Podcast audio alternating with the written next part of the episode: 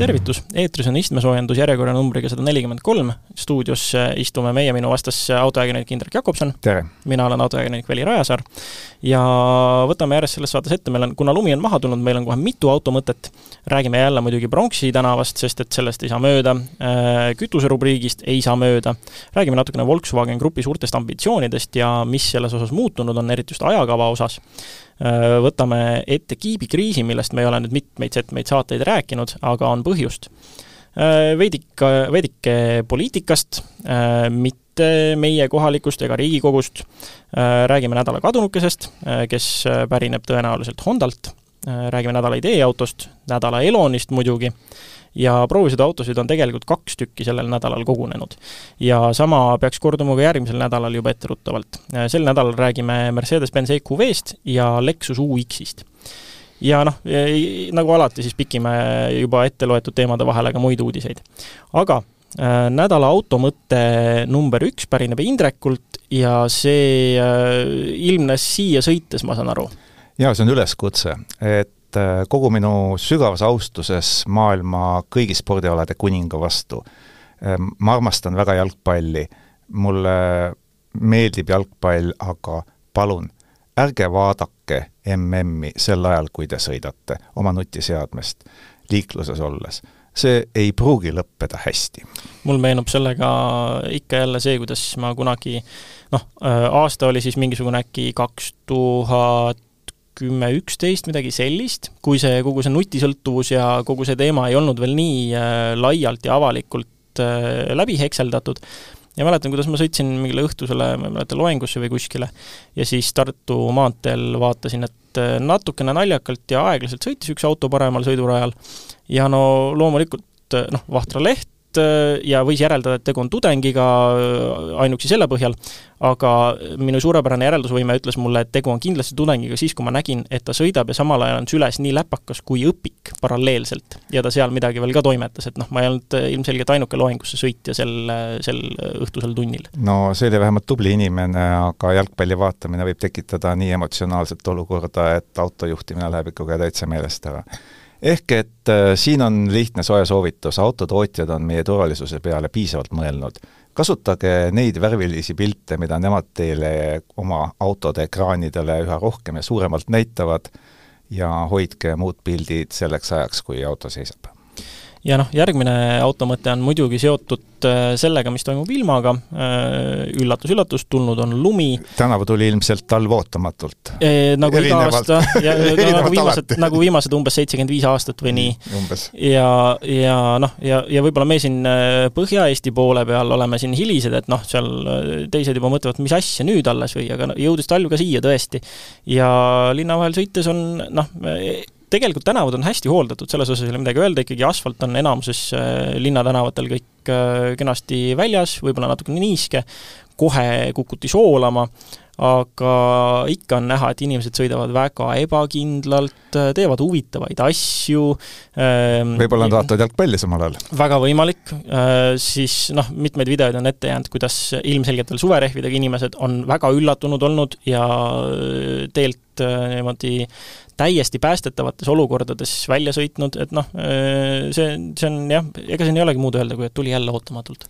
ja siin on võib-olla nii palju öelda, et kui Tallinna linna vahel või noh, okei okay,, suuremate linnade sees üldse ei ole probleem, mitte et me seda soovitaks suverehviga sõita esimese detsembrini, vahetage ära, aga maanteel, eriti Lõuna-Eestis, on nädalavahetusel oli ikka päris kole olukord ja lumevaalud kõrged.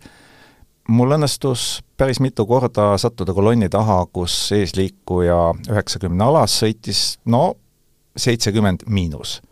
Ja sellises olukorras äh, üks Volkswagen Golf, äh, minu sügav lugupidamine, tema taha oli kogunenud mitte palju, kuskil viis-kuus autot. esimeses bussipeatuses tõmbas kõrvale, laskis kolonni mööda, sõitis rahulikult seitsmekümnega edasi temal turvaline, ülejäänud olid rahulikud, ei olnud vaja teha ohtlikke möödasõite.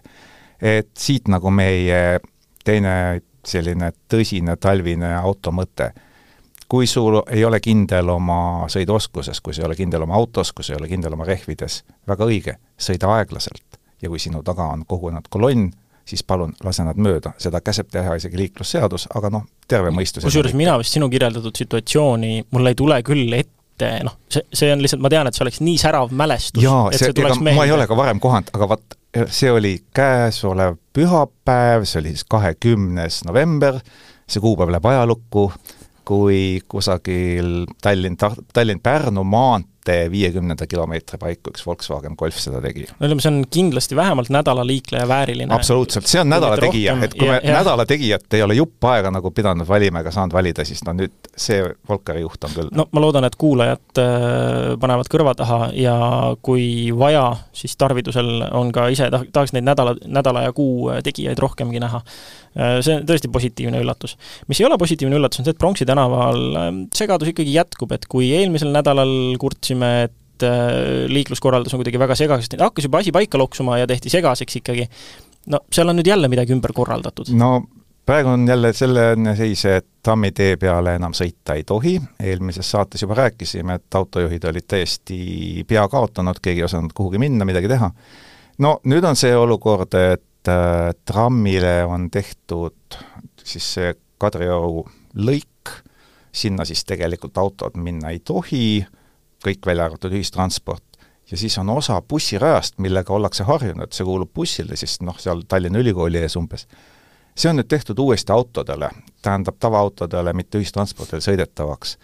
segadust on veel rohkem aga noh, see on hea segadus, et natukene paindlikumaks on see liikluskorraldus muudetud, sest see, mis vahepeal oli, kus autodel lubati sõita ainult ühes rajas, no see ajas liikluse nii umbe, et äh, ma ei tea, kas seal mõni äh, plekikõks ka oli, aga ega ei imestaks, kui oleks olnud.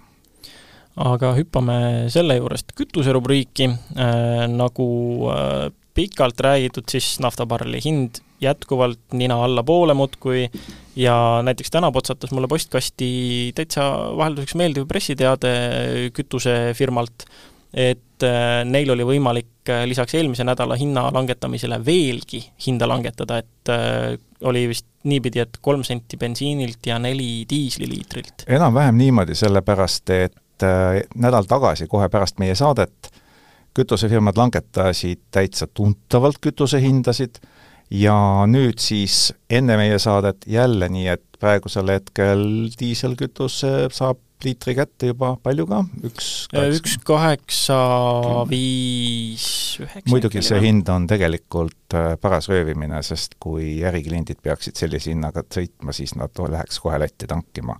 et äh, noh, tegelikult on seal muidugi allapoole minna ruumi küll, kuigi mm -hmm. ametlikud teated ütlevad, et ei, ei, enam me odavamaks ei lähe. ja no hommikul oli uudis just ka jah, et et nüüd on jälle olukord, kus noh, oli suur paanika Vene nafta pärast, aga et et nüüd on näha, et ilmselgelt on äh, toorainet rohkem, kui toodetakse, et sealt on ka nagu veelgi ennustatakse langemist. no kui Brent on juba peaaegu kümme protsenti alla tulnud ja Hiinas äh, on jälle nakatumine aasta pingereas siis teisel tasemel, eelmine mingi kakskümmend tuhat kopikatega no miljardi liigi kohta seda ei ole mm. palju, aga maailma majandust mõjutab see väga oluliselt, kardetakse jälle, et Hiina paneb ennast lukku, kütuse tarbimine väheneb, nii et Hiina Covidi numbrid ja kütuse hind maailmaturul on paraku kõige rohkem korrelatsioonis olevad asjad praegu üldse.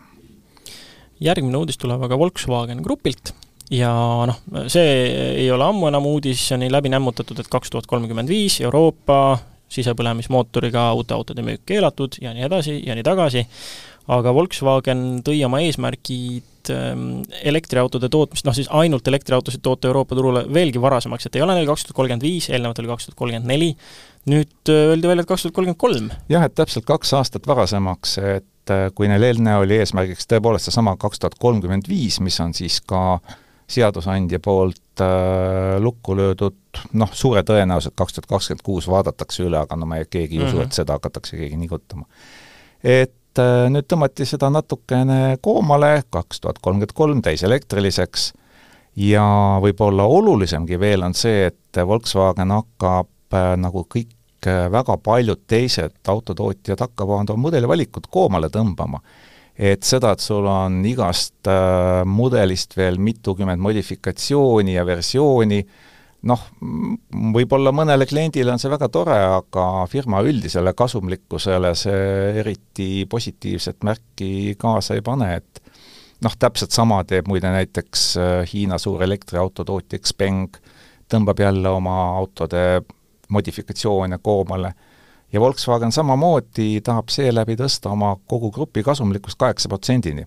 muide, vahelduseks äh, kõrvalepõiget Ford tahab täpselt sama palju no seda ütles välja Volkswagen Grupi Euroopa boss Thomas Schaeffer ja ta lisas siis, et jah, noh, kõige loogilisem tee selleni on loomulikult äh, läbi mastaabiefekti kasutamise. Ja täiesti loogiline vaadates, et noh, Volkswagen Grupis on äh, nii palju erinevaid igasuguseid mudeleid, erinevaid modifikatsioone. Ja noh, kui näiteks Porsche on ülikasumlik, ähm, noh, ja vaatame Porsche mudeli valikut, tegelikult ei ole seal midagi nii ähm, laialiulatuvat kui, äh, kui Volkswagenil endal näiteks. ja noh, Porsche kasumiprotsent oli viiskümmend üks protsenti, siis Volkswageni oma oligi aasta esimeses pooles kaheksa protsenti see, mida nad sihivad, et noh, kamba peale seal oleks tegelikult ruumi veel rohkemaks, kui nad kärbiksid äh, erinevaid äh, mudeli modifikatsioone. ja teine asi, mida Schaeffer samamoodi ütles, et äh, lisaks sellele, et nad noh, mastaabiefekti jaoks Volkswagenil ju mastaapi on kümme miljonit ikkagi mm -hmm. keskmiselt aastas toota, seal on, mida võtta. et elektriautod, mis teatavasti ju tulevad iga hetk meie turule kohe rohkem ja rohkem, nad hakkavad ka standardiseerima akukeemiat, et kui teil on ikka kolmkümmend, nelikümmend erinevat akuelemendi ja paketi vormingut, siis noh, see ei ole lihtsalt manageeritav, ütles Schaeffer ja täiesti õige aga järgmiseks äh, kiibikriisist, mille osas me oleme päris pikalt vaikinud. Ja nüüd Fordi poolel Jim Farley äh, on tunnistanud, et äh, kiibikriisis on selle manageerimisel, sellega toimetulemisel on ikkagi tehtud vigu ja ta tagantjärele tarkusena siis jagab natukene, et noh, mida oleks võinud teha teisiti ja mis, mis siis nüüd muutumas on? No muutumas on võib-olla see, et tegelikult ei ole lootust, et see asi väga kiiresti paremaks läheks, seda on Farley kohe alguses öelnud, et ega tarneahela probleemid tegelikult jätkuvad. Need probleemid võivad liikuda nagu ühest detailist teise, aga problemaatika kui selline, no see võib olla veel päris, päris pikka aega ja ta ütles hiljuti ka selle välja, et eks see põhipõhjus oli tegelikult see, et autotootjad ja siis need ettevõtted, kes tootsid talle vajalikke kiipe, kõige lihtsam asi, lihtsalt omavahel ei suhelnud. et autotootja peaks tunduvalt paremini mõistma oma allhankija tehnoloogia tegevuskava, technology roadmap'i, et ja need inimesed, kes tegelikult seal tarneahelas töötavad ja need, kes neid hiljem kasutavad, need peavad tunduvalt paremini koostööd tegema, et see asi oleks hiljem ka, sobiks kokku. no problemaatika on ju ikka seesama, mis on olnud, et vanemad kiibid, mis vastutavad just nimelt lihtsamate ülesannete eest, et noh, noh kas või näiteks see, mis juhib kojameeste tööd et teatavasti kallid kiibid, mis lähevad mobiiltelefonidesse, nende probleem, nende hulgas tähendab, nende tootmismahtudes ei ole probleeme, probleeme on ikka nende odavatega, mis on ühest küljest tehnoloogiliselt vananenud, teisest küljest odavad, tootjal ei ole motivatsiooni neid osta, aga autotootja ei saa kuidagi ilma nendeta hakkama.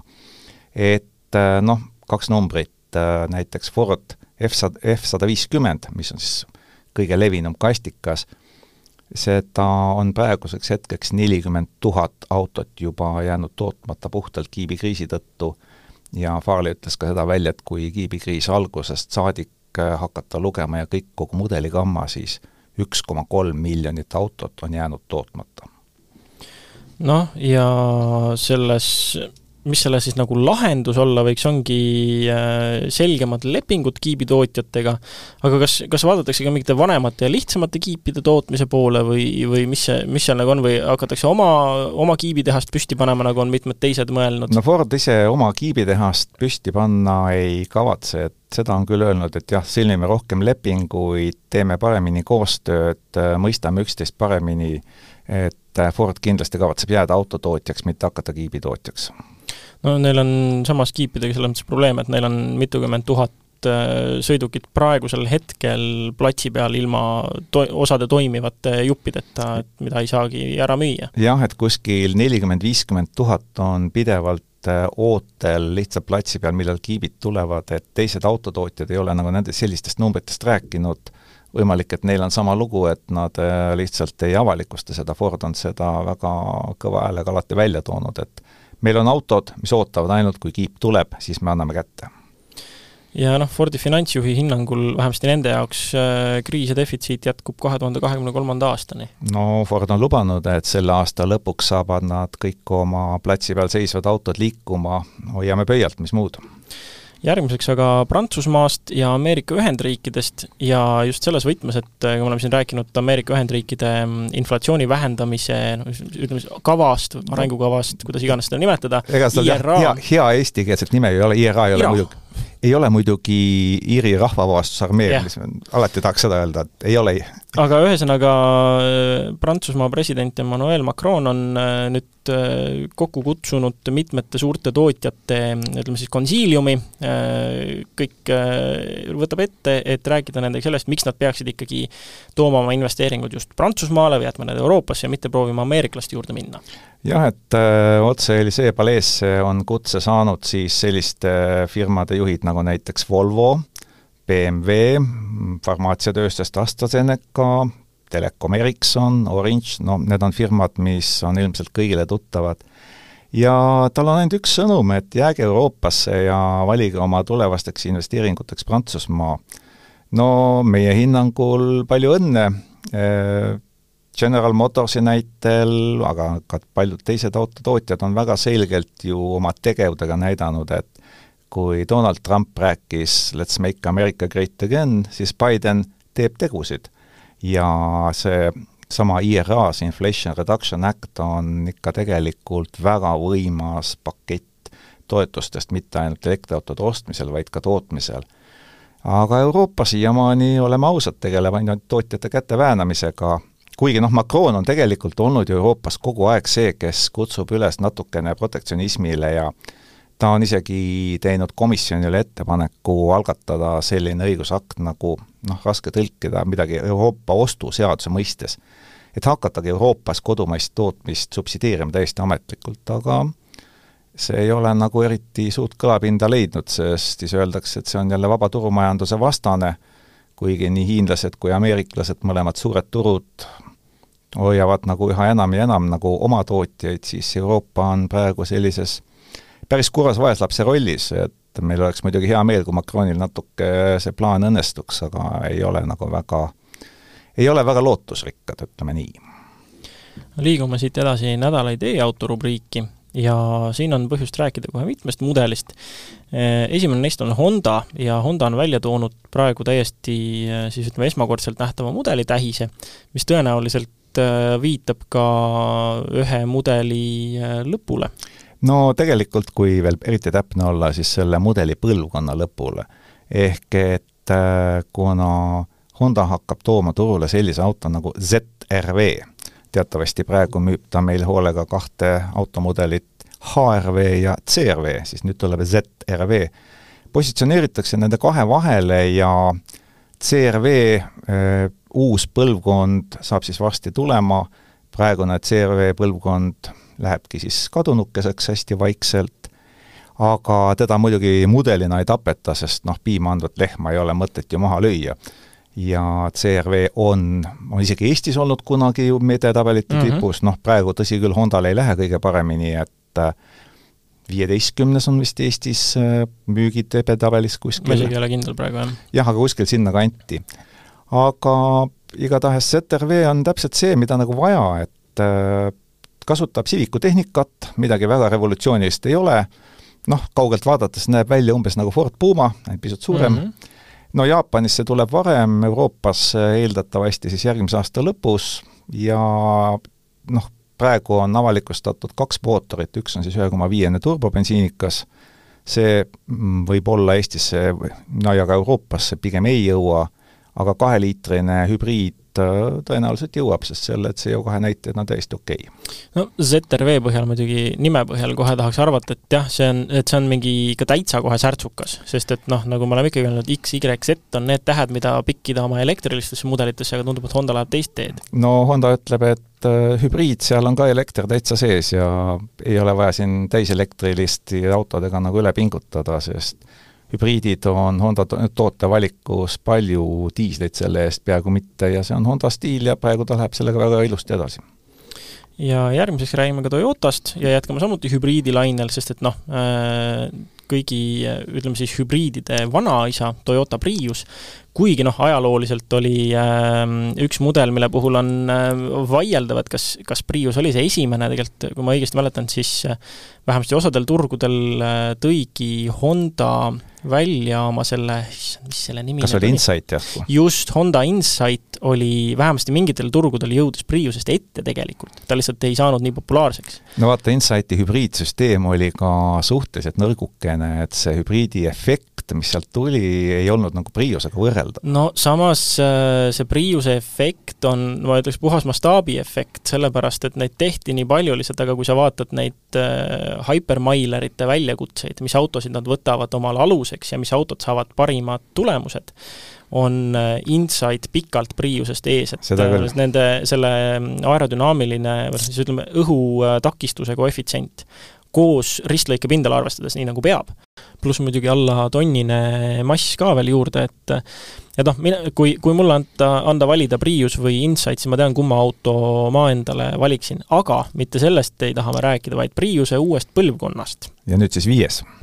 on selline auto, mis näeb väga hea välja, et reeglina Prius ei ole just selline disainiauhindade võitleja ega muidu rahva lemmik oma välimuse poolest, aga uus viienda põlvkonna Prius on enamus inimeste meeles, kes seda on näinud, kahjuks küll alles pildi peal, ütlevad, et näeb väga hea välja. okei okay,, tagaukse lingid kõrgel, natuke nõme, võiks olla seal, kus nad on, aga see on ikkagi eksimatult Prius, kui külgvaates vaadata, aga see on juba Prius heas mõistes. mis on aga võib-olla isegi parem, on see, et kapoti all on nüüd hoopis teine teema, et see ühe koma kaheksa liitrine vana sada kakskümmend üks hobujõudu arendatud mootor, see on nüüd läinud ajalukku, asemel on kaheliitrine bensiinimootor, see on siis, aku on suurem, viisteist protsenti, ja sellest kaheliitrisest mootorist on kaks versiooni, üks on siis tavahübriid, mis on sada üheksakümmend neli hobujõudu, varasema saja kahekümne ühe vahel asemel, et ikka see on päris suur edasiminek, ja teine versioon, mis on siis pistikhübriid, seal on sellest võetud lausa kakssada kakskümmend hobust välja, ehk siis juba üle saja hobujõu rohkem kui eelmisest põlvkonnast. see peaks minema sajani kuue koma kuue sekundiga, nii et sellisel juhul tekib juba selline tunne, et Toyota Priusega võib olla päris lõbus sõita või kuidas sulle tundub?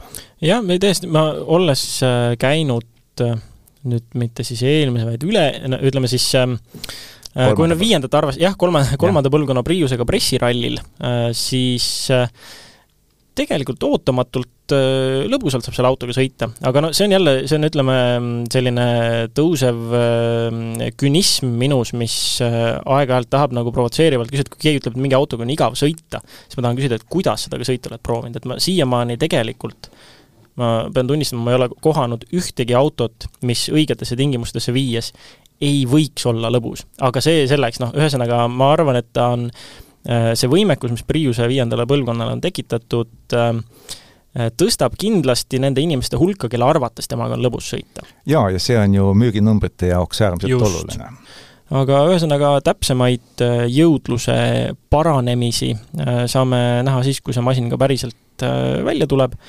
Aga eks need Priuse uudised ja asjad on kõik tühised selle kõrval, mis on järgmine pommuudis ja see tuleb Äh, loomulikult Venemaalt ja Moskvitši sulest. jah, otse Moskvast äh, Moskvitš sertifitseeris kaks uut mudelit lausa ühe korraga, Moskvitš kolm ja Moskvitš kolm E.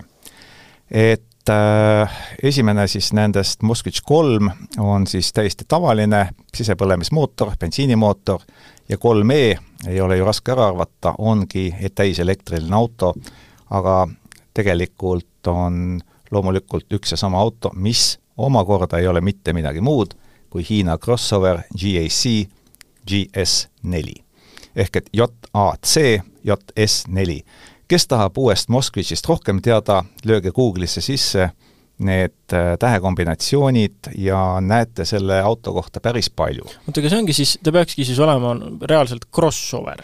ta ongi reaalselt crossover, et ta on äh, neli tuhat nelisada kümme millimeetrit pikk, neli koma neli meetrit, seda on rohkem kui T-Roc näiteks, aga natuke vähem kui Tiguanil.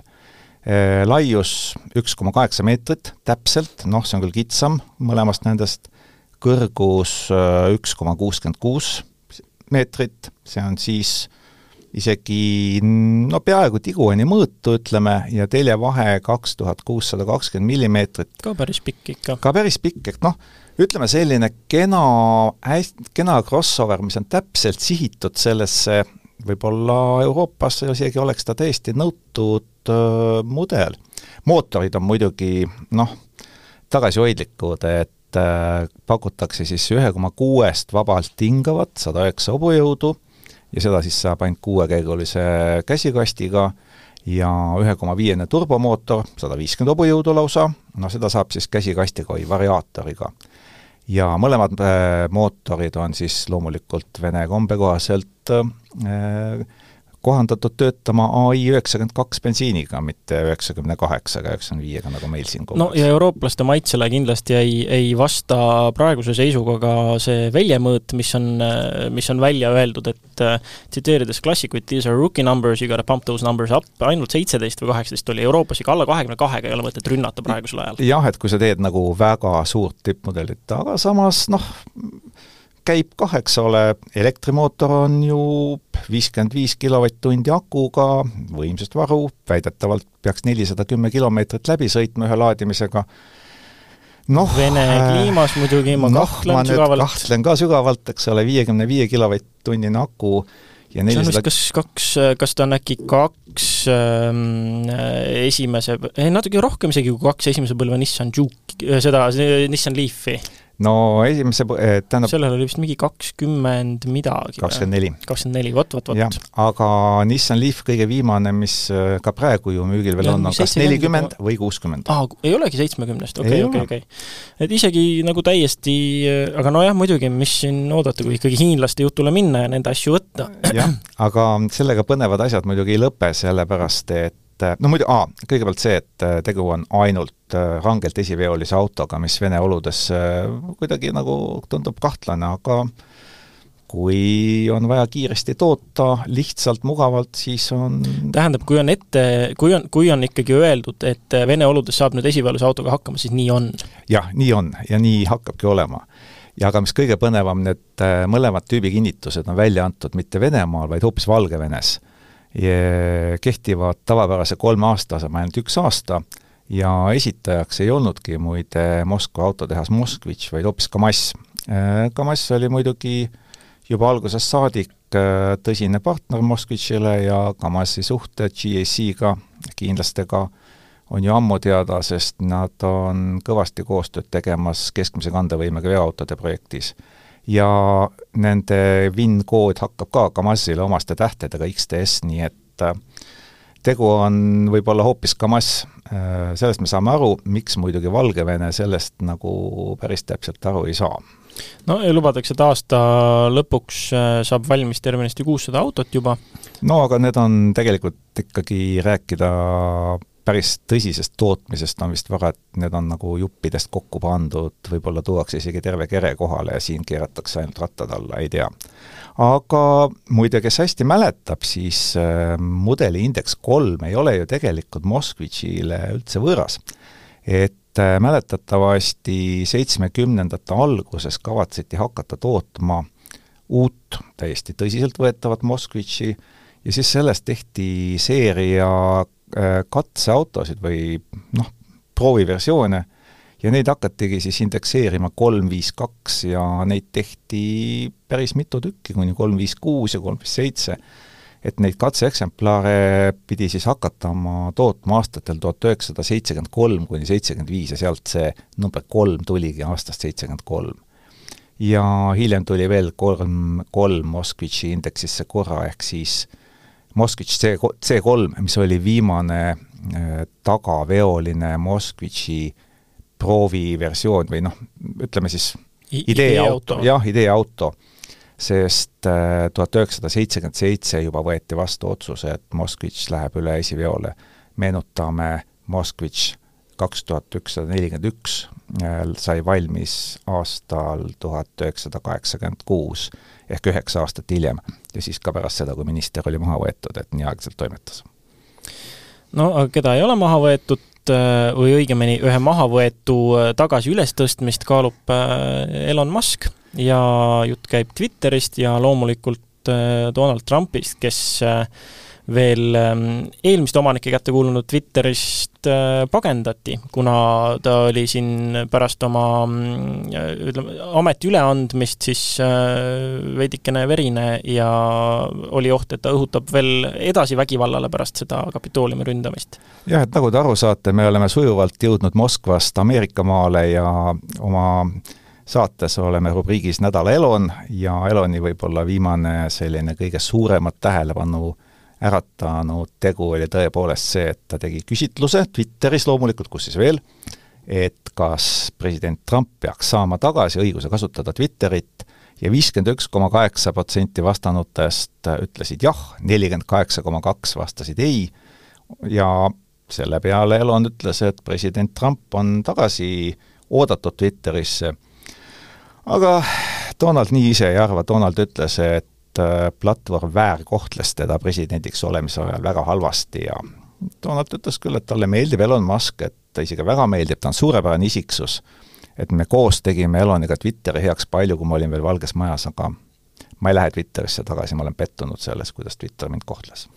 no näis, kui äh, truiks ta oma sõnadele jääb või ikkagi kasutab ta suurepärast võimalust äh, jõuda jälle kord miljonite ja miljonite inimesteni, Äh, keerutada natukene äh, erinevaid arvamusi, äh, vastuolu, et ma, ma kahtlustan, et ta tegelikult selle noh, küsitlus on küll väga, on tõesti noh, väga napilt äh, näitab positiivset tulemust, aga ma kahtlustan, et et äh, Donald Trump äh, lähiajal teeb sellest mingit sorti suure võidu, et ikkagi. viisteist miljonit inimest vastas ja nendest äh, üle seitsme miljoni ikkagi tahavad mind tagasi ja ja see on ikka väga suur arv, see on ikka suur hulk, väga suur hulk ja kindlasti tuleb minna. Et.... no tuleb arvestada seda, et kui enamus tahtis teda tagasi Twitterisse, siis Donald arvab kindlasti, et enamus inimesi Ameerikas tahavad teda tagasi ka presidendiks ja sinna on jäänud ju ainult kaks aastat umbes aega, nii et jälgime huviga, kui kaua Donald suudab olla ilma Twitterita või hakkavad presidendi... pöidlad ikkagi närviliselt keerutama jälle selle ekraani peal? jah, et äh, muidugi kurjad keeled on öelnud, et ilmselt Elon tõestas oma küsitlusega seda, et Twitteris botid töötavad väga hästi ja tegelikult ameeriklased üldse nii ei mõtle, aga no Elon seda väidet loomulikult ei kommenteeri. no ja veel Twitteri ja Eloni teemadel, et et ähm, Twitter, äh, Elon tegi siis äh, ka teist sorti küsitluse, aga see oli rohkem nagu siseringi küsitlus, et ähm, ütles töötajatele, et noh, kui tahate jääda, siis hääletage ja kui ei taha, siis, äh, siis öelge nii. ja, ja näis nüüd, mis sellest siis tuleb. no hääletamine oli väga lihtne, eelmiseks neljapäevaks siis paluti töötajatel lihtsalt klikkida ühele ikoonile, kui nad soovivad jätkata, ja kui nad ei soovi jätkata, siis nad ei kliki ja nad on automaatselt välja arvatud Twitteri meeskonnast ja siis äh, Elon saatis Twitteri töötajatele meili, kus ütles, et see, kui te soovite jätkata, see tähendab pikki tunde suure intensiivsusega töötamist ja sobivaks hindeks loetakse ainult erakordne sooritus. noh, jah, seda me ju teame, et äh, Elon Musk ei ole näiteks kodukontorist töötamise pooldaja, kõik Jaa. kupatas tagasi kohe, kui võimaluse sai, tahab Teslas seda teha, noh kindlasti mingisugused äh, inimesed saavad Teslas ka nagu kodukontorist tööd kasutada, aga noh, pigem vaatab Elon sellele väga viltu. teadaolevalt vaatab Elon sellele kohe nii viltu, et äh, nii Teslas kui SpaceXis, kus nagu töötajate töökultuur on rohkem avalikkuse tähelepanu all, siis pidi see olema nii karm, et noh, hea küll, Amazoni laotöötajatel on võib-olla raskem, aga ei ole Teslas kerge ja ei ole SpaceXis kerge ja tõenäoliselt Elon tahab Twitteris viia sisse sama töökultuuri, ja ootame põnevusega, kas siis Twitter läheb, muutub kullaks, nagu me eelmine saade rääkisime, või tuleb üks teine stsenaarium, millest ta ka hoiatas töötajaid, et ikkagi neli miljonit äh, päevas põleb, et ega see kaua ei saa jätkuda. jah, see on väga huvitav motivatsioonikõne ühena oma esi-, esimesest asjadest töötajatele öelda, et äh, pankrot on täiesti võimalik, et raha ikka põleb. aga samas äh, see on ikka ka selles mõttes motivatsioon, et et äh, kui sa tahad, et su töökoht alles jääks, siis sa pead pingutama, et siis firmal läheb hästi. no ja pluss harvendada seal ridu äh, ja siis võib-olla luua niiviisi võimalus äh, edasipüüdlikumatele inimestele redelit pidi kõrgemale ronida, et noh, eks eks seal väga palju jääb kindlasti kulisside taha, millest, millest me ei tea, kuigi lihtsalt on huvitav näha, kuidas nii ütleme, avalikkusele kõike välja labudeeriv inimene nagu Elon Musk äh, kusagil nii, nii suurt firmat juhib, et, et noh, kindlasti me saame sealt nagu palju rohkem kulisside tagant teada, kui, äh, kui äh, enamuse teiste ettevõtete puhul, et selles mõttes on nagu naljakas näha, kuidas ta laperdab. jah, aga samas Elon on teinud ka ühe sellise väga huvitava liigutuse, et teatavasti oleme rääkinud, reklaam on see põhiline Twitteri sissetulekuallikas ja reklaamitulud on katastroofiliselt kukkunud pärast Twitteri omandamist, siis Elon otsustas äh, Twitteri päästmiseks tegelikult juba praegu ära teha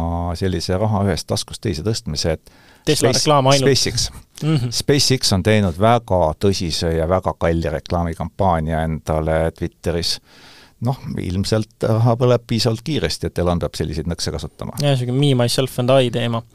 aga jätkame veel Eloni ja nüüd Tesla teemal, et noh, igasuguseid äh, tagasikutsumisi defektide pärast on Teslal olnud läbi aegade erinevaid, aga nüüd üritatakse, üritatakse veidike saladuskatte all tagasi kutsuda lausa kolmsada kakskümmend kaks tuhat autot. jaa, aga see tegelikult probleem ei ole kuigi hull, et äh, nendel autodel, mis siis selle tagasikutsumise alla kuuluvad, need on Model kolm ja Model X, ja toodetud siis päris pikas ajavahemikus, kaks tuhat kakskümmend kuni kakskümmend kolm ja väidetavalt Model äh, Y, vabandust. Model Y, jaa äh, probleem lihtne, tagatuled ei pruugi põleda ja leitakse, et see on liiklusohutuse seisukohalt suhteliselt paha asi. hea on see, et et Elon tahab seda teha täiesti märkamatult, kedagi ei kutsuta esindusse, kedagi ei, kellelegi ei broneerita aega, vaid äh, Teslad on teatavasti vähemalt need mudelid korraliku üle õhu update'i võimalusega, et ta tahab tarkvarauuenduse teha täiesti nii, et võib-olla omanikud ei panegi tähele noh, mõjutatud olevat umbes üks protsent nendest sõidukitest. noh, see ei ole ju palju tegelikult. just, kolm tuhat kakssada kakskümmend masinat, siis meil mingites oludes tagatuled ei pruugi põleda. aga eks muidugi hulk on suur ja kindlasti näeb ajakirjanduses neid pealkirju, et Tesla kutsub kolmsada kakskümmend kaks tuhat autot tagasi ja siis on suur rasvane tärn selle järel. jah, et tervelt kümme korda väiksem number on kolmkümmend tuhat ja seal äh, on üks probleem juba tunduvalt tõsisem kui tagatuled, et et üks turvapadjal olevat olla üks võimalik probleem, täpsemini Elon ei räägi sellest, ja seda tahetakse ka lahendada siis üle õhu käivale tarkvarauuenduse abil. ja veel täpsustuseks, et äh, need tagatuled, mis ei põle, ei ole mitte pidurituled, vaid ma saan, ma saan aru, täitsa nagu lihtsalt kab-, äh, gabariidid siis, on ju. et see ei ole nagu täiesti traagiline ja üli, äh, üliohtlik, vaid, vaid noh, pigem niisugune ütleme, ebamugavus. no ma arvan, et kui need oleks pidurituled, siis, äh, siis see probleemi ulatus oleks tunduvalt suurem aga liigume nüüd saate viimase teema juurde, milleks on, meil on siis seekord lausa kaks proovisõiduautot. et äh, Indrek sõitis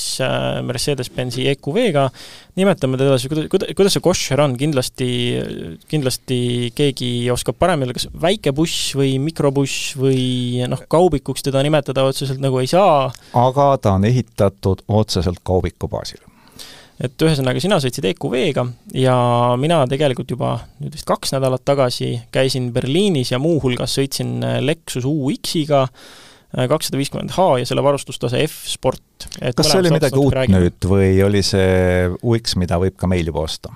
Äh, praegu vaadates Eestis äh, Lexuse kodulehekülge, siis seal sa saad küll valida endale mootori ja siis varustusasema F-Sport on seal täiesti nagu olemas. aga Berliinis seda autot sõitma andes öeldi, et ikkagi esitleme uut. et noh, tegelikult seal noh, mis on nii väga uut siis nagu on, see mm, multimeediasüsteemi ekraan on veidi suurem, vedrustus, adaptiivne, adaptiivset vedrustust, kohanduvat vedrustust on üle käidud, et seal olid mõningad asjad veel, kahevärviline keretoonide valik, et noh, et katuse saab mustana, on ju, aga no niisugused äh, tavalised suhteliselt asjad ikkagi on uuendatud. see on nagu selline nipet-näpet, aga inimesele, kes võib-olla ei ole Lexuse tähestikuga hästi kursis, UX, et kuhu ta positsioneerub üldse, kui Lexuse mudelikammat nagu väga suures pildis vaadata? no nagu me teame, siis Lexuse täheühendid kõik äh, tähendavad midagi, üllatus-üllatus, ei olegi suvalised tähed järjest ja UX tähendab äh, Urban Crossoverit ja see on Lexuse siis äh, esimene kõige väiksem niisugune linna crossover, no nende kõige väiksem äh, linnamaastur, ütleme.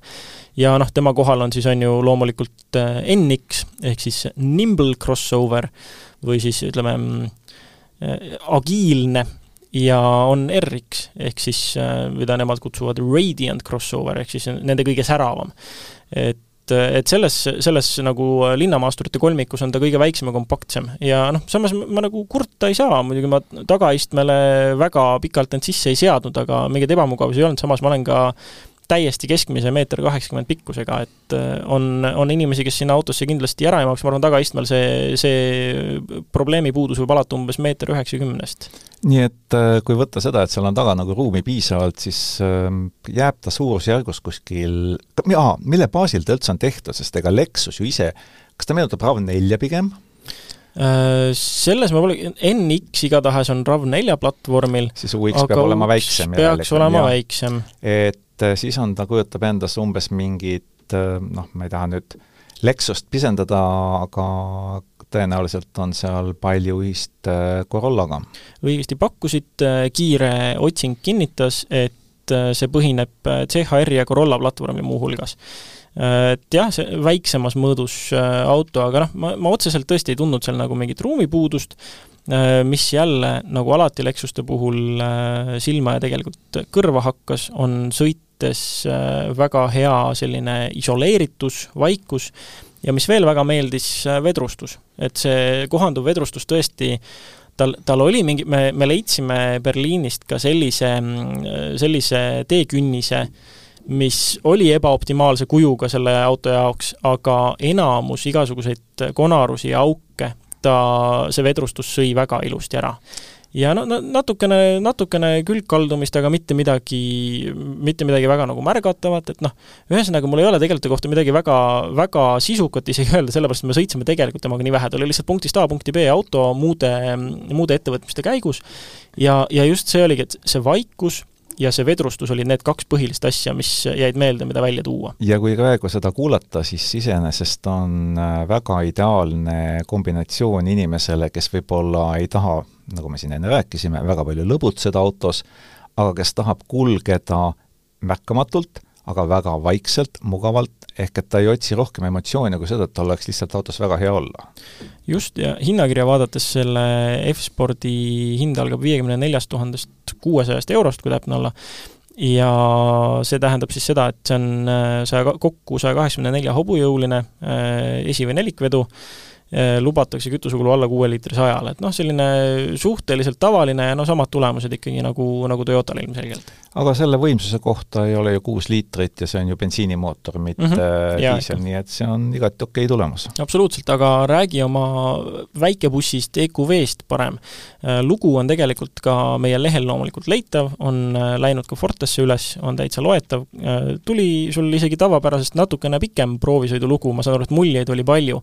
mis sulle siis talle nagu esimesena silma hakkas, sest et noh, siin on nii palju asju, millele mõelda, kui rääkida väikebussist, et ikka oled harjunud, et et äh, kui on pikad otsad ja siis ikka eelistad diislit ja kõik nii, aga kuida-, kuidas see elektriga nagu siis toime tuleb? kas sõidumugavus kasvab meeletult ja kuidas see sõiduulatus on?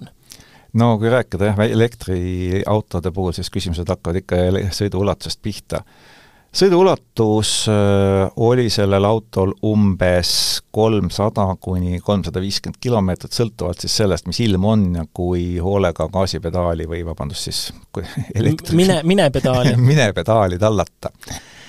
aga äh, edasi viib teda siis äh, saja viiekümne kilovatine ehk kahesaja nelja hobujõuline elektrimootor, mis on täiesti piisav kulgemiseks, ei tee temast sliiperit, kiirendusvõistlustele minna mõtet ei ole ja sajani läheb kaheteist koma ühe sekundiga, ka täiesti piisav. nullist sajani, jess. jah, mm, siis äh, maksimumkiirus sada nelikümmend kilomeetrit tunnis ja kui kakssada eurot äh, lisaks maksta, siis tõstetakse see elektrooniliselt saja kuuekümneni. aga kas seda on vaja? Äh, Eesti tingimustes kindlasti mitte ja tegelikult ei ole seda tõenäoliselt kusagil mujal eriti vaja, sest kui kiirused lähevad üle Eestis lubatud normi, siis see kütusekulu hakkab lihtsalt muutuma nii suureks, et see kaotab oma igasuguse mõtte. no sa ütlesid kolmsada, kolmsada, kuni kolmsada viiskümmend kilomeetrit, mis siis VLTP järgi lubatakse, palju me petta saame?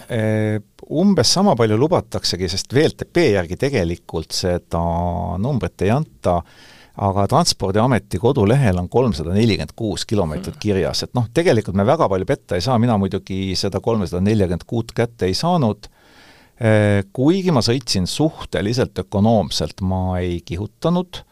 Ja, ja ilm oli ka väga okei, selline viis kuni kümme kraadi, mis tähendab, et väga palju kütmisele elektrit ei läinud, aga tal on muidugi väga hea featuur, et sa saad vaadata kohe, et mille peale sul siis autos see elekter kulub, kui palju kulub edasiliigutamiseks, kui palju, palju kulub mm. soojendamiseks, jahutamiseks ja kui palju siis mingit niinimetatud muu kulu on?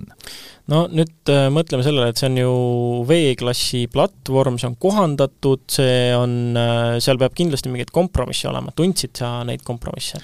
kusjuures ei tundnud, see on tõepoolest äh, seesama klassikaline V-klassi Mercedes, mida on toodetud praeguseks hetkeks kaheksa aastat järjemööda ja lihtsalt kuskil eluea keskel, ehk siis täpsemini kaheksateistkümnendal aastal esitleti siis seda versiooni, kus talle pandi esimest korda elektrimootor kapoti alla ja akud peideti põhja alla niimoodi ära, et äh, neid ei olegi igapäevakasutuses üldse näha.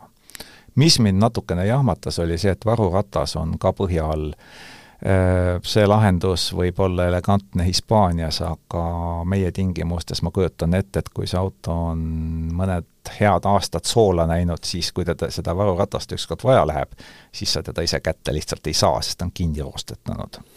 aga võtame ette praktilisuse, mugavuse, alustame juhi töökohast.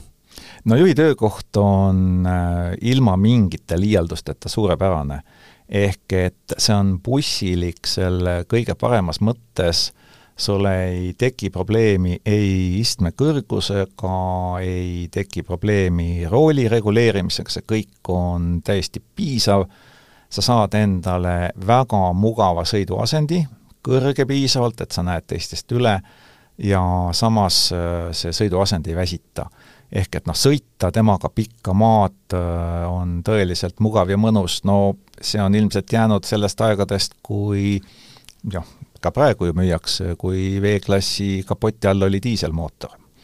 Äh, ühe vaheküsimuse küsin veel äh, laadimiskiiruse kohta. kas see laadimiskiirus, mida talle lubatakse, kas me kusagil Eesti kiirlaadijate otsas selle kätte ka saame? saab küll, sellepärast et talle lubatakse maksimaalset laadimiskiirust sada kümme kilovatti mina seda sellise laadija juurde ei sattunud, kus sellist võimsust välja antakse, aga ma käisin laadija juures, mis annab sada kilovatti välja ja seal ma nägin numbreid üheksakümmend seitse, üheksakümmend kaheksa, mm, suhteliselt jaheda aku puhul, mis tähendab seda, et äh, kui laadija suudaks sada viiskümmend välja anda, siis ma arvan, et seda sada kümme jõuaks sinna bussiaku sisse küll, et äh, mida, mida ta lubab, seda ta tõepoolest ka teeb ja laadimiskiiruseks annab see siis meile, mis, mis, kui suur tal akupakk on? tal on akupakk äh, täpselt sada kilovatt-tundi brutomahtuvust, millest siis üheksakümmend on Äh, selline kasutatav osa ehk netomahtuvus. nii et sellise saja kilovati juures ongi laias laastus, sa saad tunniga või alla selle peaksid ta täis saama ja saja kümnese, kui selle, selle, see suudab sada kümme vastu võtta ja sa selle päriselt kätte saad, siis isegi kenasti alla tunni, mis on nelikümmend minutit, kui sa kusagil kümne protsendi pealt laadima jah, kümnest kaheksakümneni lubatakse neljakümne viie minutiga ja kuna ta oli seadistatud äh, sajani, siis äh, ma küll kunagi teda saja protsendini täis ei laadinud selleni läheb muidugi rohkem aega, sest laadimiskiirused mm -hmm. pärast kaheksakümmet hakkavad kukkuma. ja ka siis ma proovisin ka seda, et äh, mida ta teeb äh, vahelduvvooluga laadimisel, äh, ta võtab vastu pardalaadija ainult üksteist kilovatti mm, -hmm. mis on ju poole vähem kui seda, mida need Elmo kapid tegelikult suudaksid välja anda ja selleks ta tahab juba täislaadimiseks seitse tundi saada, et suhteliselt aeglane ja siis ma panin ta kodus saba seina, sõna otseses mõttes, notsu mm, -hmm. ja siis ta ütles, et kaks päeva. no aga vähemasti on jälle see, et kui on lühikesed linnaotsad, siis, äh, siis eks see tuleb ka abiks, et kodus teda laadida saab niimoodi. jah, et äh, sa, kodus laadimine on abiks, aga juba selles mõõdus äh, auto puhul on selge, et tegelikult suuremad laadimiskiirused on hädavajalikud. Ehk et kui sul ikka omal ei ole võimalik kodulaadijat paigaldada või sa ei ole seda lihtsalt teinud, siis ei ole selle bussiga tegelikult midagi teha, sest äh, kodus sealsamas ta võib sul öö läbi laadida, sa saad juurde noh, mm, sada kilomeetrit võib-olla öö jooksul. et äh, sellega käib äh, päeval võib-olla linnas oma sõidud ära, aga kui sa tahad sellist bussi sihtotstarbeliselt kasutada, siis, siis sellest jääb väheseks.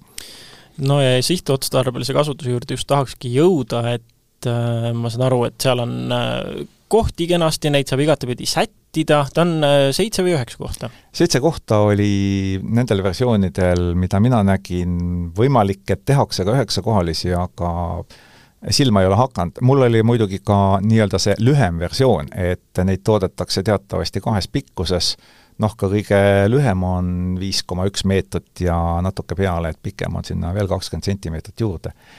aga need seitse kohta on nagu ülimõnusad, et äh, loomulikult juhil, kõrvalistujal on kaptenitoolid ja mm -hmm. siis on veel kaptenitoolid ka teises reas ja kolmandas reas, ehk siis nagu viimases, seal istutakse kolmekesi kõrvuti. ja kõiki istmeid saab välja tõsta, saab tõsta ükshaaval välja ja saab ka tagurpidi pöörata, ehk et äh, salongi saab ka niimoodi kujundada, et üksteise vastas istutakse. noh, kas selleks vajadust on, see on maitse asi, sest siis nagu ruumi, tegelikult jalaruumi enam palju ei jää et kui mõelda sellistele äh, autodele, kus see nagu reaalselt töötab, siis on ka vahepeale juba lauake mõeldud, et siis on nagu jalgu kuskile panna, et ütleme, EQV puhul see on teoreetiliselt äh, võimalik, noh praktikas ei ole seda mõtet kasutada. kas sa proovisid ka nii, et ähm, kehastud Äh, selleks, äh, kes, äh, kellele teenust osutatakse, ehk siis noh, transfeeri, transfeeri saav reisija näiteks või kas sa käisid ta-, tagaistmel ja lasid end sõidutada ka? ma tagaistmel käisin, ma sõidutada ennast ei lasknud. okei okay,, sellepärast küsin, et just siis, kui ma Berliinis käisin, siis lennujaamast meid samamoodi viidi ikkagi veedega sinna, kus siis omakorda need Lexused kätte anti. ja kõige taga istudes ma lihtsalt tuvastasin, et sellel diiselmootoriga V-klassil vähemasti tagavedrustus sellise noh, sellise laadimise korral, kus sul on neli inimest sees, tagavedrustus täiesti kohutav tegelikult. et ta, ta lööb väga kiiresti tagasi ja sa istud seal selle telje otsas äh, no, no ikkagi nagu suhteliselt sellise pingi, pingi, puidust pingi peal, et ta ikkagi noh, väga jäik. et kas, kas seal, kas EQV puhul siis see, et ta juba kaalub rohkem, kas see kuidagi aitas, sest noh, ma, ma muidugi, loogiline on, et tal on niikuinii äh, erinev vedrustus, vähemasti erineva jäikusega vedrud seal, sellepärast puhtalt, et ta on raskem, aga kuid-, kuidas see vedrustus sulle tundus? no kõigepealt, kui maksta äh, natuke vähem kui kaks ja pool tuhat eurot juurde, siis saab õhkvedrustuse. ja sellisel juhul on tegemist autoga, mis äh, lamavad politseinikud ületab sellise huvitavate hüpetega, et ta mitte isegi ei lähe nendest nagu löögina üle, vaid ta tõuseb sinna peale ja siis ta nagu lendab natukene, ei, kiirused on väga väiksed, lamavaid politseinikke ei saa kihutades ületada. aga see tunne on selline hästi sujuv, mõnus, pehme, et see on mitte mingisugust läbilöömist, pigem nagu tekib selline tunne, et seda massi on tal palju selle vedostuse kohta mm, -hmm. aga samas äh, ei tekitanud see mingit komplikatsiooni, ta sõidab tõeliselt pehmelt kas sa said ka tekitada olukorra, kus sa selle auto nii-öelda täis laadisid?